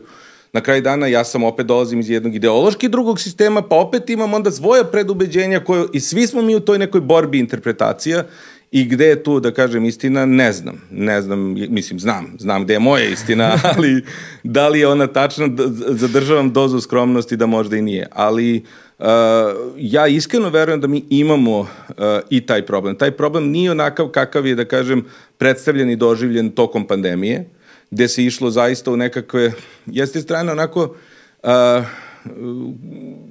vakcinisao sam se tri puta.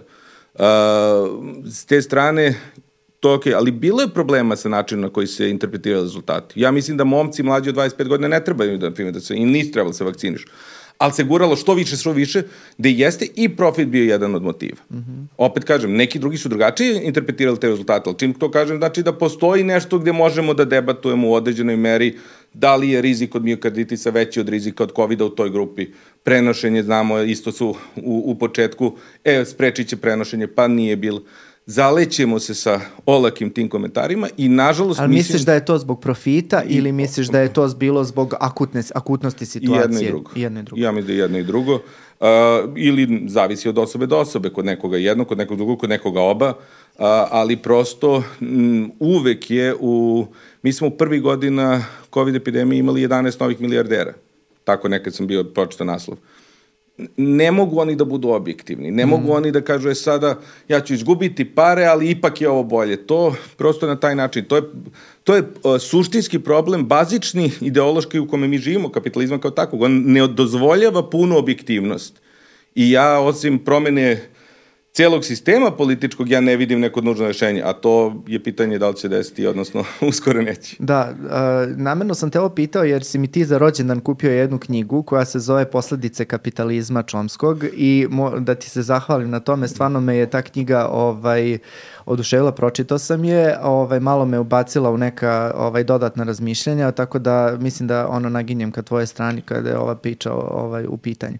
E sad, uh, mislim da možemo da, da pričamo i o psihodelicima. Zašto smo uopšte uh, pomislili da je uh, priča o psihodelicima uh, u stvari sada uh, priča koja najbolje može da se poveže sa istraživanjem lekova i tim uh, senzacionalizmom koji je povezan sa tim? Pa zato što je tu svi ovi problemi koje smo govorili, su mi se čini onako su akcentovani još da nesti put. Mm -hmm. Znači, to je... A šta a, se sad dešava, pa je to tebe podstaklo da... A, dakle, u poslednjih nekoliko godina kreće jedna potpuno talas a, istraživački koji je vrlo medijski i marketinški ispraćen, gde se govori o psihodelicima kao novim lekovima, pre svega za depresiju, koji će eto rešiti stvar, pošto sada kreće polako da zatajava ona priča ona priča sa ranijim, sa ovim sadašnjim koje koristimo, malo oni idu u, u zapećak i onda mi dolazimo do toga, eto sad, ovo će da nas spasi. Ne, ne razmišlja se, pa ono nije, pa da li može neki drugi pristup, ne, samo ćemo da prepakujemo u ovo, opet imamo ovaj kapitalizam, što pričamo, zato kažem, velike tehnološke kompanije kroz, u, u, upumpavaju novac u to. Šta upumpavaju novac? Upumpavaju novac u istraživanja, ali upumpavaju novac i u traženje enantiomera, odnosno malo drugačijih substanci. To je što kažemo ketamin, esketamin. Dakle, ketamin je originalna substanca koja se prodaje kao droga na ulici, koja se koristi kao anestetik, koja postoji jako dugo. Ali kada postoji određena substanca, ona 10 godina je, uh, mo, može, ima pravo na nju samo kompanija koja je sintetisala. I to je period u kojem se najveća zarada pravi od pojedinačnog leka. Onda je Janssen napravio S-ketamin. Znači, ketamin samo S, dakle, dodališ jedan atom na taj molekul i onda se to ušmrkava, ne daje se intravenozno i mala je kao razlika i onda je to sad potpuno nešto drugo i oni sad to imaju pravo da prodaju samo oni. I, da, I onda je samo taj lek odobren od strane, na primjer, FDA-a ili kod nas, zato što je to farmaceutska kuća tražila, dok ketamin, na primjer, nije, nego još uvek, ako se prvo krenula s ketaminom, zato što niko nema finansijski interes za nešto što ne može da napravi puno para da uradi. E isto to sad rade sa, sa ovim traži se, na primjer, S-psilocibin, lupam, mm -hmm. ili za MDMA i tako dalje. SMDMA. SMD. Yes, ima, ima rad gde su sad novo... Stvarno? Da, da, već su napravili neku substancu za MDMA. Za psilocibin i nisam video. Za MDMA sam video substancu nova, sintetisana, napravili već prvo istraživanje. E, ali molim te samo kad kažeš ušmrkavanje, nekako imam osjećaj ono, da ljudi misle da se sketamin šmrče s nekih ovaj, WC šolja. Pogrešno se izrazio, da, da, da, dobro. da.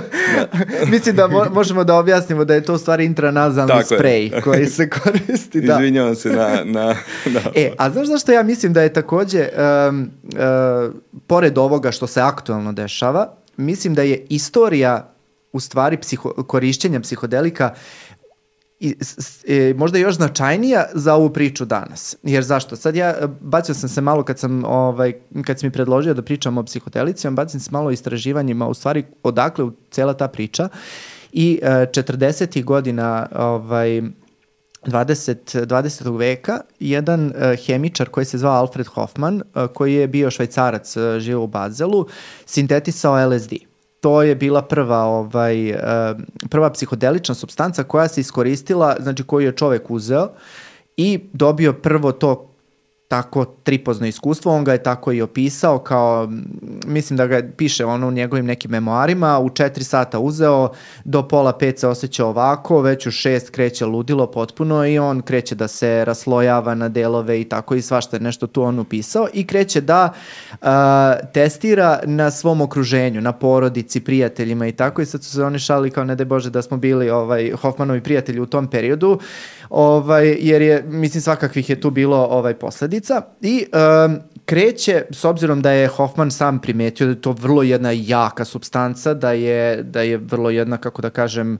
uh, substanca koja dovodi do velikih izmena i kako svesti, raslojavanja duše i tako što, kako se već to opisivalo ranije, kreću istraživanja i to stvarno ozbiljna istraživanja na Harvardu, mislim ozbiljno u to vreme, 60. godina uh, Richard Alpert i Tim Leary uh, kreću prva istraživanja uh, sa um, pacijentima obolim od različitih mentalnih stanja i bolesti i uh, to su bili alkoholizam, bili su panični napadi, čini mi se depresija i uh, davali su im davali su im lekove i vez, mislim sad je to bilo raznih one intervencija, vezivali su ih za krevet, puštali im muziku, bili sa njima, nisu bili sa njima i tako dalje i primetili su da ljudi različito reaguju, ali su primetili da sad postoji postoje neke značajne izmene u ponašanju. Međutim, eto, i to je sad krenulo i uh, počele, počeo da se diže hype, kako to obično i biva sa svim tim mm. substancama koje se nove neke ovaj otkriju. Međutim, dešava se jedna paralelna politička uh, potpuno druga stvarnost, gde uh, sada se, LSD izlazi u mainstream i počinje da se prodaje kao ilegalna droga na ulici. Gde počinje čita ovaj pokret, hipi pokret 60-ih i uh, koji se nekako svatao kao kontrateza tadašnjem uh, postratnom periodu i vladavini Richarda Nixona. Establishmentu. Tako, establishmentu. I uh, Richard Nixon kaže, uh, vi ste svi uh, kreteni, uh, ugasite ovo, zabranite upotrebu LSD-a i odjednom se narativ naučne javnosti potpuno menja ali bukvalno preko noći, to sam nešto ono pratio sad, ono do koje, do koje mere je rastao entuzijazam za upotrebom psilocibina i LSD-a u medicinske svrhe i onda preko noći bukvalno se lomi ta kriva i potpuno opada i prestaju da se finansiraju sva istraživanja, svi dotadašnji istraživači potpuno menjaju svoje stavove i koncepte i ta substanca se proglašava potpuno ilegalnom, ono, zakonski se zabranjuje u sve više zemalja i sve više zemalja i onda to kreće na ono na svetskom nivou i sve više zemalja za, ovaj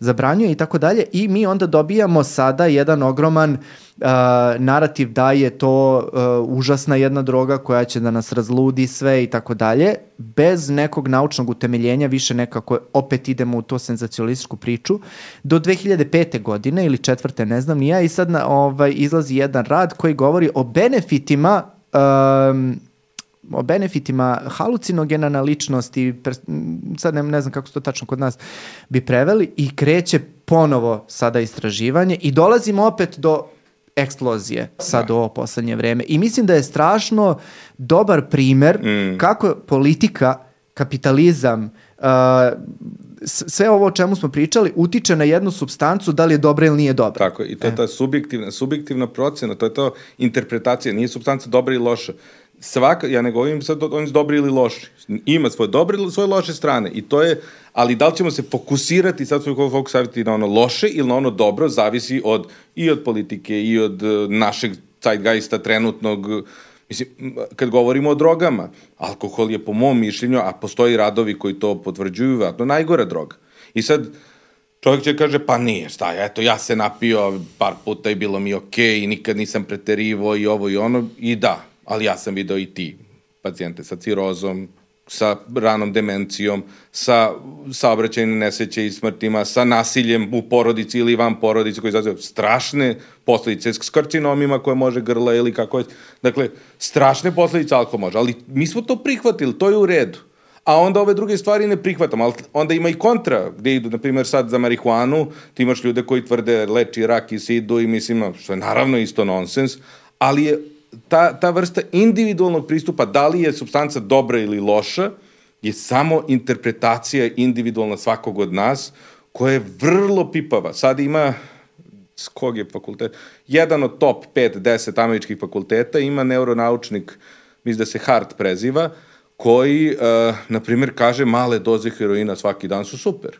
To je njegova interpretacija dokaza. Meni se to ne sviđa, ja to ne bi, meni heroin onako ali opet, kažem, uh, on ne priča potpune gluposti. On prosto analizira rezultate i interpretira na način koji njemu moralno vrednostno blizak u odnosu na rizik od koristi i štete. Ja mislim da on pocenjuje štetu, precenjuje korist, on vjerojatno misli suprotno za mene. Isto tako neko ko za alkohol može da kaže da ja precenjujem štetu, a pocenjujem korist ili bilo šta drugo. E isto to imamo i sa psihodelicima, stalno to menjanje balansa i zavisno od političkog trenutka. Kad je Nixon, to, to je bez veze. Sad zato što su ovi naši vladari iz Senke iz San Franciska, im se sviđa ideja psilocibina, zato što opet je, ili to što su kao magične pečurke, kako ih zovu, to mi se isto svidilo, kaže, nije to psihodelik ili magična pečurka, nego psihomimetik, zato što je to opet neka vrsta isto marketinga, mm. psihodelik vidi dušu i kao strava je, a to je opet jedna psihoaktivna substanca koja možda izazove ili izaziva praktično jednu vrstu psihoze, mini psihoze, kontrolisane, možemo sve da kažemo i sve je to u redu.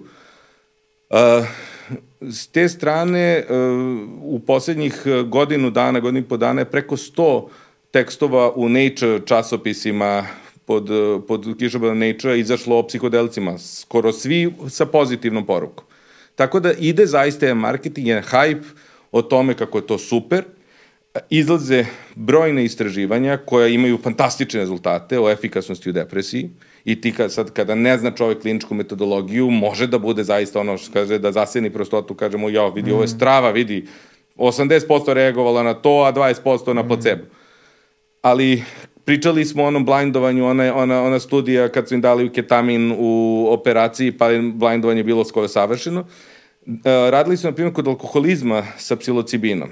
Ovo je jedna studija gde su merili, pošto često ni ne mere koliki je unblinding, koliko pacijenta pre, a, a, ispravno prepozna šta su dobili. I od pacijenata koji su uključeni u studiju, Uh, dakle, davali su aktivni placebo. Šta je aktivni placebo? Dakle, nisu davali kao ništa, samo pilula bez mm -hmm. aktivne substancije, nego su davali pilulu koja je imala jednu aktivnu substancu koja je pravila neke vrste promena, ali blagih, mislim nekakvih, čisto da kao, eto, malo zbuni. 97% pacijenta koji su bili u grupi za psilocibin su prepoznali da su bili uh, u grupi za psilocibin. Znači, to je praktično otvorena studija. To je studija koja nije randomizovana kontrolna studija, nego otvorena studija gde kažem, evo vama ovo, evo, vama ono. Drugo, imamo tu faktor entuzijazma.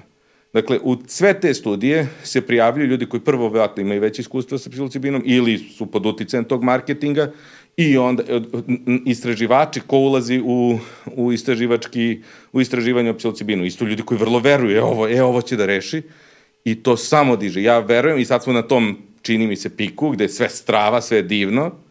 Ja verujem da će to sad opet kao sa ketaminom isto da krene na dole polako kada izađu sve te druge stvari.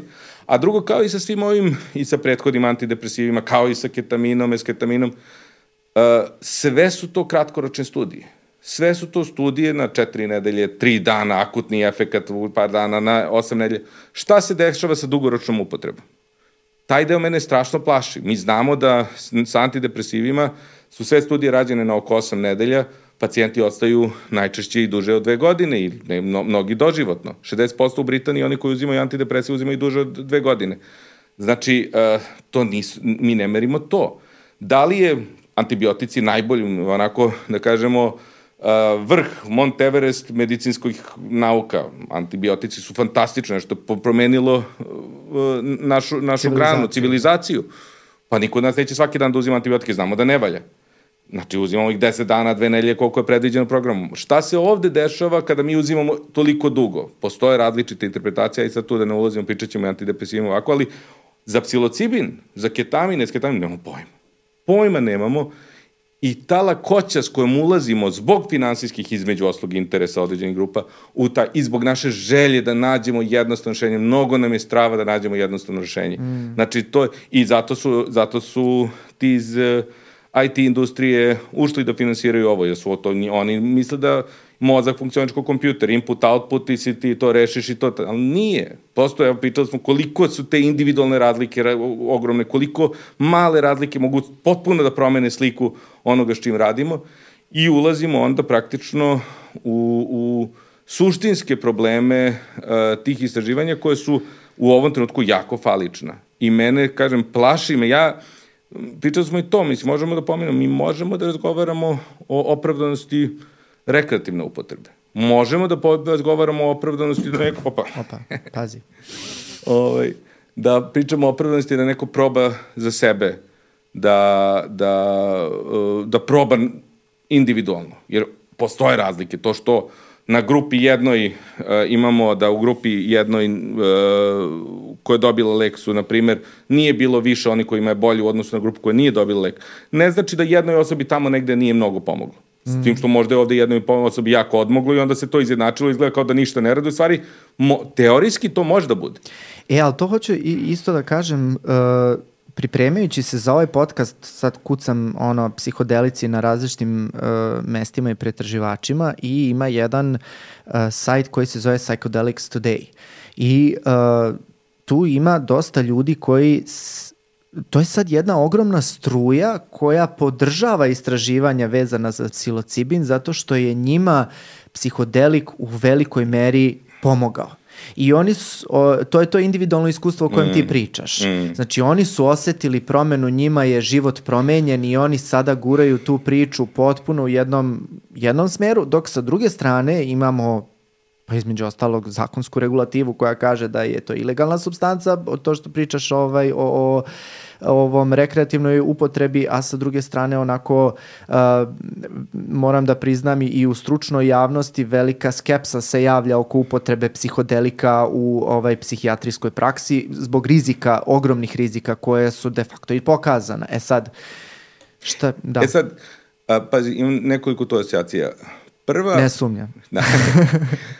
prva, to istraživanje PIM koje sam pomenuo, da, koje isto kao što ja verujem je negde tumačilo da je alkohol možda najgora droga kad se svi zajedno efekti uh, pogledaju, je našo na primjer da je psilocibi naj, najmanje da, štetne. Da, znam taj grafikon. E, da, da, da. To je iz Lanceta, one. Jest. Je, uh, opet, to je interpretacija, ali Uh, s druge strane, ja nisam protiv, ja mislim da treba da se istražuje. S, ne, ne treba da bude tabua. I okej okay istraživati.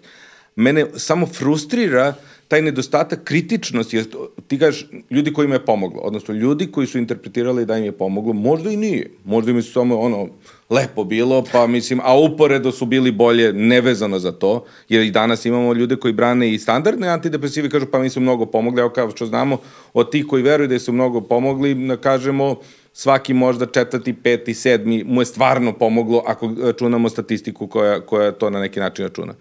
Uh, prosto uh, uh, ne treba imati otpor.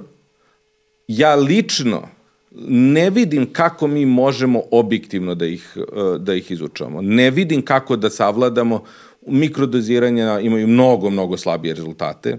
To nam govori u prilog tome da je u stvari taj placebo efekat i, i, i utica i tih, zaista tih uh, uh, halucinacija ili kako nisu baš halucinacije, ali izraženih tih percepcija da jeste jedan od efekata koji pomažu, odnosno kad čovjek prepozna da je dobio substancu i kada mu prija to, a prija, onda je to okej, okay, ali opet eh, ja nemam ništa protiv toga. Nemam ništa protiv, uh, kažem, ni rekreativne upotrebe kada čovek zaista zna rizike kada pre, je, kažem, meni i alkohol rekete, ja se u život nisam napio, zato mogu da idem iz te, da kažem, uh, malo na kritičke pozicije, ali nemam problem ako neko hoće nekada da se napije malo. Mm -hmm. uh, problem je kada mi definišemo substancu kao lek ili strašno želimo da je definišemo kao lek, je to onda menja jednačinu. Onda mi ne kažemo samo ko pa dobro, probaj, nek ti bude lepo, pa ako ti pa može ti promeni neke percepcije. Jer sve to menja. Sa, evo, ovaj razgovor menja mene i tebe, menja svakog od nas bilo šta. Tako da, e, e, kada uđemo u to i kažemo to je lek, mi mu dajemo jednu validnost, uh, dajemo mu jednu, dajemo jednu poruku, onda opet i ovo, eto, nije radio onaj antidepresiv, ali sada ako uzmeš psihodeli, bit će ti strava, a to što živimo u nepravednom svetu, nejednakosti, izrabljivanja i slično, to, usamljenosti, otuđenosti, to nema veze, ti se malo udrogira i bit će ti super. To jeste jedna ideološka politička poruka koja mislim da na ve većim brojkama i na duže staze će biti štetna. Mislim, interpretiram da kažem, čak malo ovde predviđam budućnost, što je vrlo, ovaj, nemam kristalnu kuglu, ovaj, samo moj narcizam, ovaj, ali to je prosto nešto što mislim da ne sme toga da se beži. E sad, mm. kako izučavati nešto što ima tako jake neželjene efekte, gde ne može da se uh, blinduje i gde je placebo efekt toliko jak, što kažem, ti sam rekao, mi svi nekad i koristimo placebo efekt u radu i nećemo da ga, da, da, da ga diramo kad primetimo, jer se plašimo, ok, da, da ne pokvarimo nešto što je dobro. Uh, ali opet nije fair da izbegavamo pitanje nove odgovore da bi pravili nekome profit, da bismo došli do dugoročno možda i štetnih efekata. Prosto, eto, mora neko o tome da razmišlja. A sad ja, nažalost, da. mislim da u ovakvom sistemu ideološkom u kome živimo, to će biti samo, eto, ja i ti se ispričali i par ljudi koji isto ovako govore ali prosto novac gura tamo gde gura i da će to da ide u jednom pravcu. Para vrti de burgija neće. Da. Ne. Ovaj, a, a da li se slažeš da malo se vratimo s obzirom da su ovo velika ideološka uh, pitanja, a verujem da svako ko klikne na epizodu o psihodelicima će očekivati nešto drugo, uh, da, da kažemo nešto osnovno o u stvari e, šta su psihodelici i na šta deluju i kako u stvari, kako izgleda klinička slika, uh, da kažem, kako izgleda efekat psihodelika i smešno mi jer kad smo došli seli ovde da snimamo, ti kažeš, pogledaš u moju majicu i kaže baš nešto tripozna, znaš, i onda evo, baš je taj uh, reč trip povezana sa ovaj psihodelicima, pa mi reci samo to.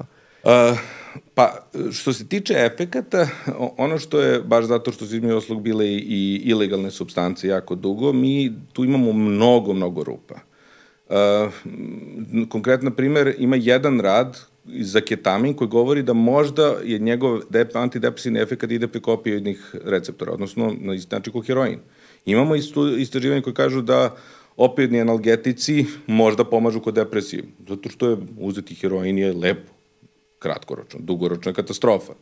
A, ali taj deo, na primer, ima samo jedno na, na istraživanje u American Journal of Psychiatry izašlo, mene to strašno plaši Za psihodelike isto to, uh, i ono što, to je isto jedno onako od fora koje se prave, izlazi se sa onako bombastičnim rečenicama, interpretacijama koje se prezentuju kao činjenica, kao što je serotoninska hipoteza uh, hormonu sreće bila prezentovana kao činjenica i bombačno onako, pa sad kažemo pa ipak nije, pa nema veze, pa ipak je ne važe desetine godina gde je to prezentovanje kao činjenica, sad se isto tu sa psihodelicima govori neuroplastičnost, jedan onako uh, lepo zvučeći izraz koji malo je dubiozan kad uđemo u samu njegovu srž kad govorimo o ovakvim stvarima. Mm. Sve je neuroplastičnost. Ovo, opet, moj tvoj razgovor ovde je neuroplastičan. Yes.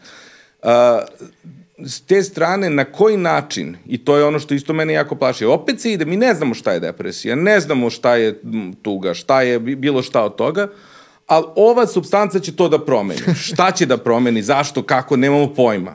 Taj deo je opet problem. E sad, šta se dešava? Dešava, dešava se vrlo intenzivna, bio ti je ovaj, Oliver tu jako lep eh, razgovor ste imali, govorio je baš između oslog o percepciji puno. Ta percepcija skoči na jedan nivo koji mi nismo pojmili da imamo. Mm. Vidimo boje koje su intenzivnije, drugačije nego što smo mislili da postoje detalje koje nismo primećivali da postoji. To je uzbudljivo, to je preplave nas osjećanje. Ja, na primjer, MDMA nisam probao, kažu da ljudi da ljubav koju osjećaju kada uzmu, to je nešto što je najviše što su osjećali. Ja ne znam, nisam, nemam lično iskustvo. Ali, dakle, te, te stvari mogu da bude prijatne, mogu da vrlo su intenzivne, ja verujem da određenim ljudima mogu da onako kad su i kažu čoveče, pa šta sam se ja nervirao, vidi kako je lep svet, ja se nervirao oko stvari, da i možda to i dugoročno i ostane. Hipotetički može na nekom psihološkom nivou. čak ono što često rade, to je interesantno, jako često u istraživanjima o psihodelicima MDMA i, i ove psilocibin, magiče pečuke, rade u kombinaciji sa psihoterapijom da kao intenziviraju psihoterapiju, taj nivo osjećanja, percepcije i da onda tu kao dođu do nekih novih spoznaja ko možda ne bi ovako. Opet, nu, ne misli da je nužno glupo samo po sebi, uh, ali je... Ali nije nešto ni pretrano smisleno.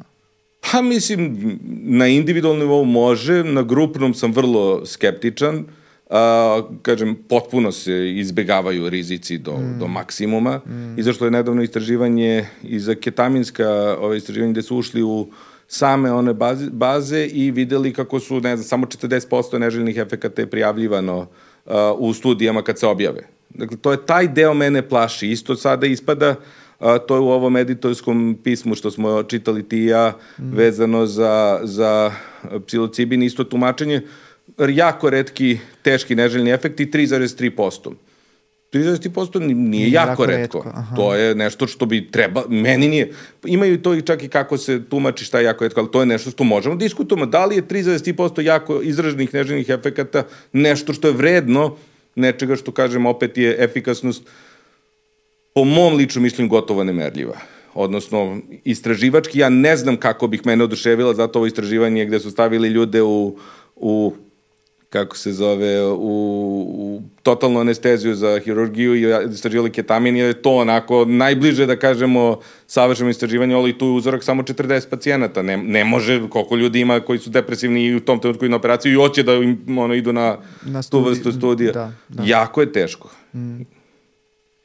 A kad kažeš ovo, uh, da ljudi imaju pravo na rekreativnu upotrebu, uh, mislim da tu moramo da budemo vrlo oprezni kad kažemo da to je, to je opet ideološko pitanje. Ja lično mislim da je svaka psihoaktivna substanca opasna. Mm -hmm. Svaka psihoaktivna substanca nosi rizik. Ja zato ne volim, kažem, ovo kada neki koji se promovišu upotrebu marihuane, kada idu u drugu krajnost i onda to je bezbedno, to je divno. Zato mi možemo da diskutujemo o tome da li ona treba da bude legalna. Ja naginjem ka tome zato što iskustva iz Portugala i Portugalije i Holandije mi govore u prilog tome da je možda to za, na populacijnom nivou pametnije, mm -hmm. da manje štete čini nego zabrana. Nismo, pa to najveći, ja, ja to na primjer sa studentima radim, kažem, da li, bi, da li treba da se zabrani, zabrane narkotici? Onda ne kaže, apsolutno ni slučajno se Ja rekao, dobro, a da su legalni, da li bi ti uzimao drogu? Ne, ne bi uzimao. A što da zabavim? Pa drugi, znači, to je isto taj naš narcizam. Ja mogu da se kontrolišem i to ako pitaš uh, one koji su protiv, niko od njih neće kaže, treba da se zabranim da ja ne bi uzimao. Nego uvek to za nekog drugog. A ja neću da uzimam, ja da. znam da ja neću da uzimam. Ja mislim da većina ljudi ima tu samo kontrolu. I kreće odatle iste lične. Iste lične, mm -hmm. kao, e, ja, drugi će da koriste, mm -hmm. pa onda da se njima. Ja lično mislim da je najveći broj ljudi, ja sam bio u Holandiji, Holandija je jedna od najbogatijih zemalja na svetu, rade izuzetno vredno, gomila prepametnih ljudi koji imaju legalnu marihuanu, mogu ceo dan, svaki dan da duvaju, ne duvaju. Zašto? Ko što, zašto kod nas ljudi masovno ne piju svi stalno? Zato što prosto znamo šta je funkcionalnost i na koji način to funkcioniše. I prosto ono što mi, na, ne mislim da je besmisleno imati ideju da zabrana ima svoje mesto, ali mi praktično deluje da zabrana kroz tu kriminalizaciju samo dovodi do većih problema. Ali ne samo, e, ajde, legalno je super, ja mislim da mi moramo da imamo apsolutno, mi imamo tri aspekte, imamo u svemu što radimo, imamo moralni, imamo pravni, imamo medicinski. Odgovor na svako pitanje koje postavljamo može da ima potpuno različit odgovor na sva ta tri. Možda bude isto, ne mora. Ja mogu, ja mislim da mi, na primjer, eto, za alkohol, on treba da bude legalan. Ja se slažem. Uh, to je pravno pitanje. Medicinski da alkoholizam može da izazove bolest. Moralnom, ja mislim da mi kao društvo treba da imamo odnos moralni, da nije dobro opijati se bezgranično i da treba da postoji jedna određena osuda takvog ponašanja da bi uticala možda na grupu kako će uopšte da ima odnos uh, prema, prema konzumaciji toga. Isto tako, to što bismo legalizovali neku drogu ili dekriminalizovali ili što god, ne mislim nužno da treba da znači da mi kažemo je to onda strava. Ljudi često to pomenuo da moralno je to super. Nije super dogirati se, ali nije ni nešto najstrašnije što treba da ideš sad u zatvor ako si, ne znam, popuši joint. Ja lično mislim, mislim da to čini više štete nego koristi, Za druge droge možemo da pričamo. Ja lično mislim da je strašno, i tu je onda mnogo važno obrazovanje, edukacija. Ne samo, e, dekriminalizujemo idite, nego da, da zaista, ja bi deci od četvrtog razda osnovne da uče koji su rizici, kojih substanci, kakve može da, da budu posledice.